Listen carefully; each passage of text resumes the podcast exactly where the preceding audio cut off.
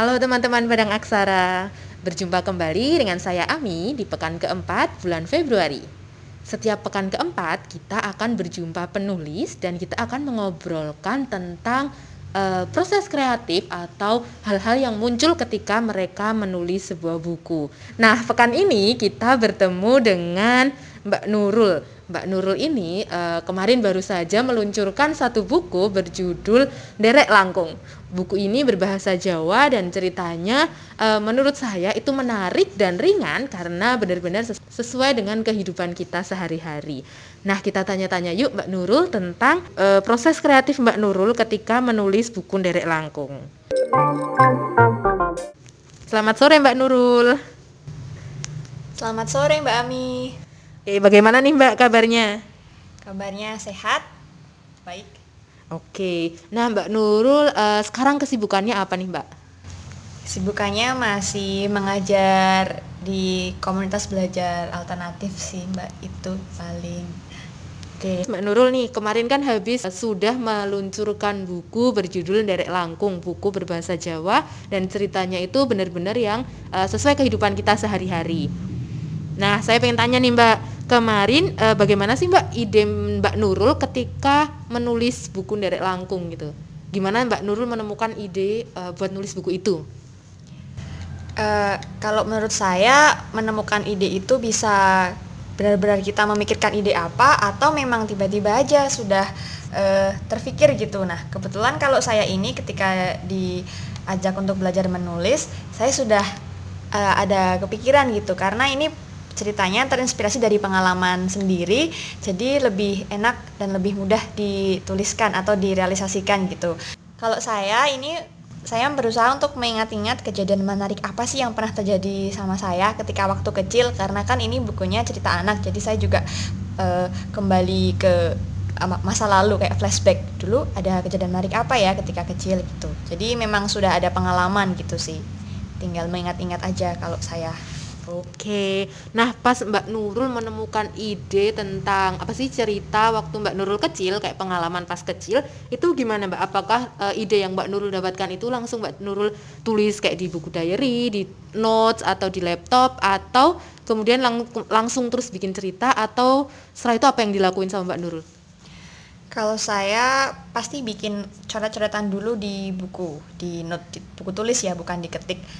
Karena yang penting ketika punya ide atau punya pemikiran apa langsung dituliskan biar tidak lupa. Saya ini lumayan mudah lupa mbak soalnya. Jadi pokoknya ditulis dulu di note kayak gitu. Nanti baru membutuhkan niat dan juga usaha ya untuk mampu menuliskannya di apa atau diketik di laptop gitu sih. Oke wah ini ya idenya bisa ditiru Nah, selanjutnya nih Mbak Nurul.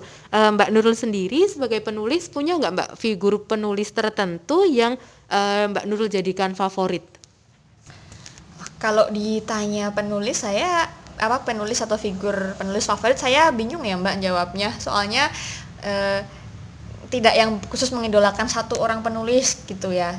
Tapi kalau mungkin e, bisa terlihat dari beberapa buku yang saya baca gitu. Kalau saya itu suka baca buku-bukunya Paulo Coelho sama Mitch Albom gitu sih. Kalau yang di Indonesia biasanya saya baca bukunya Di Lestari, Andrea Hirata juga pernah. Terus pernah juga coba baca bukunya Dan Brown dan tertarik. Jadi itu sih Mbak buku-buku yang biasanya saya sering baca kayak gitu. Yang genrenya biasanya petualangan kayak gitu sih sama sejarah sih lagi suka novel-novel yang berbau sejarah kayak gitu oke wah menarik sekali nih ternyata uh, buku dan uh, penulis yang dijadikan kayak ya bukan favorit banget tapi eh, buku-buku uh, dan jenis genre yang dibaca sama Mbak Nurul. Nah selain itu Mbak ada nggak sih ketika Mbak Nurul menulis buku itu terus ada punya uh, buku yang dipakai sebagai pedoman atau uh, apa ya inspirasi ketika menulis? Wah, kalau buku pedoman juga tidak ya Mbak, kayak buku pedoman untuk menulis atau jadikan pegangan gitu enggak sih. Saya biasanya uh, karena menulis buku cerita anak, jadi saya ingin membiasakan diri saya dengan bahasa-bahasa atau tulisan yang mudah dimengerti kayak gitu kan apalagi bukunya kan picture book ada gambarnya jadi saya coba baca-baca buku yang sejenis picture book yang kalimatnya pendek, yang bahasanya anak-anak gitu. Karena itu juga perlu penyesuaian uh, untuk memahami apa ya dunia anak-anak atau bahasa anak-anak seperti itu sih. Oke, nah kalau waktu Mbak Nurul nulis buku dari Langkung kemarin, uh, nemuin itu nggak Mbak kayak hambatan-hambatan atau tiba-tiba ah gimana ya mau lanjutin nggak ya atau tiba-tiba macet di jalan idenya atau katakanlah hambatan gitu nggak Mbak?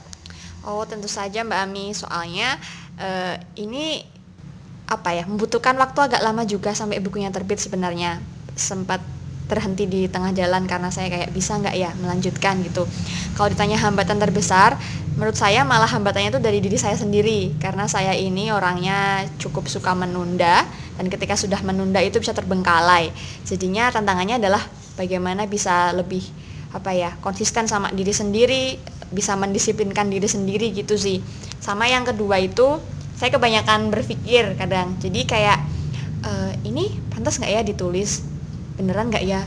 Bisa nggak ya sih ditulis? Jadi kayak terlalu banyak berpikir dan jadi muncul banyak keraguan itu malah akhirnya nggak jadi menulis. Padahal kan biasanya saran saya sih kalau ingin menulis coba tuliskan dulu deh semampu kita. Dan itu juga buat saya masih sulit jadi masih belajar buat tulis dulu. Habis itu nanti kan bisa di self edit jadi kayak diedit sendiri. Uh, apa ya sambil berpikir juga harus bertindak juga harus dituliskan. Kalau nggak ditulis-tulis nggak jadi tulisannya. Kayak gitu sih mbak. Itu kalau dari saya hambatannya Oke, wah luar biasa sekali. Nah, Mbak Nurul, uh, waktu proses tadi ketika nemuin hambatan-hambatan, terus kan menemukan sendiri, oke, okay, gimana sih caranya uh, biar makin konsisten sama disiplin sama diri sendiri. Nah, uh, ketika dalam proses penulisan itu uh, ada nggak sih Mbak siapa atau apa yang menjadikan Mbak Nurul bisa menyelesaikan bukunya Mbak Nurul kemarin? Uh, kalau dari proses apa ya penulisannya tentu saja dari tim penerbit dan editor ya Mbak karena kan e, mereka apa beliau-beliau ini yang memantau untuk sampai mana ini tulisannya terus sudah direvisi belum kayak gitu-gitu kan. Jadi kalau dari e, teknik penulisannya atau proses penerbitannya sih ya dari tim penerbit dan juga editornya itu sendiri sih. Cuman kalau saya selalu ditanya ada nggak sih yang misalnya yang berperan? Ya selain dari uh, tim juga editor juga itu juga uh, ini sih dari teman-teman sekeliling saya. Jadi karena saya tuh pingin kalau saya ditanya buku dari Langkung gitu yang paling spesial adalah saya berkarya, berkarya sama teman-teman saya. Karena di balik prosesnya itu saya memang berproses bersama teman-teman saya nggak sendiri. Jadi bagian aksara Jawanya bagian apa ya ketika berusaha untuk memantapkan alur ceritanya gitu. Jadi itu kayak hasil karya saya dan juga teman-teman sih bukan semata-mata sendiri. Itu sih kalau saya yang bikin spesial bukunya ini pengalaman menulis bersama teman-teman gitu Mbak Ami. Oke, nah karena buku kemarin satu udah terbit nih Mbak Nurul, ada nggak sih Mbak rencana buat nulis buku yang lain? Uh, ada sih Mbak, saya memang pingin karena biar belajarnya tuh terus gitu loh, nggak berhenti di sini. Ini sebenarnya ada ide, udah ada ide, cuman ya itu tadi masih masih harus mengumpulkan lagi mendisiplinkan diri lagi untuk ayo segera ditulis gitu baru di catatan soalnya belum diketik gitu oke masih rahasia juga ya mbak nih ya. jadi nggak bisa tanya spill spill apa nih mbak besok ah, gitu. belum ada yang bisa di spill nanti semoga bisa ini ya bisa segera apa ya diwujudkan kayak gitu Oke, wah terima kasih sekali Mbak Nurul cerita tentang proses kreatif menulis buku derek langkung kemarin. Sampai di sini dulu ya Mbak Nurul. Sebenarnya masih banyak yang pengen ditanyain dan diobrolin sama Mbak Nurul. Oke, teman-teman, terima kasih sudah mendengarkan cerita tentang proses kreatif menulis bersama penulis buku derek langkung. Sampai jumpa pekan selanjutnya. Sampai jumpa teman-teman. Terima kasih.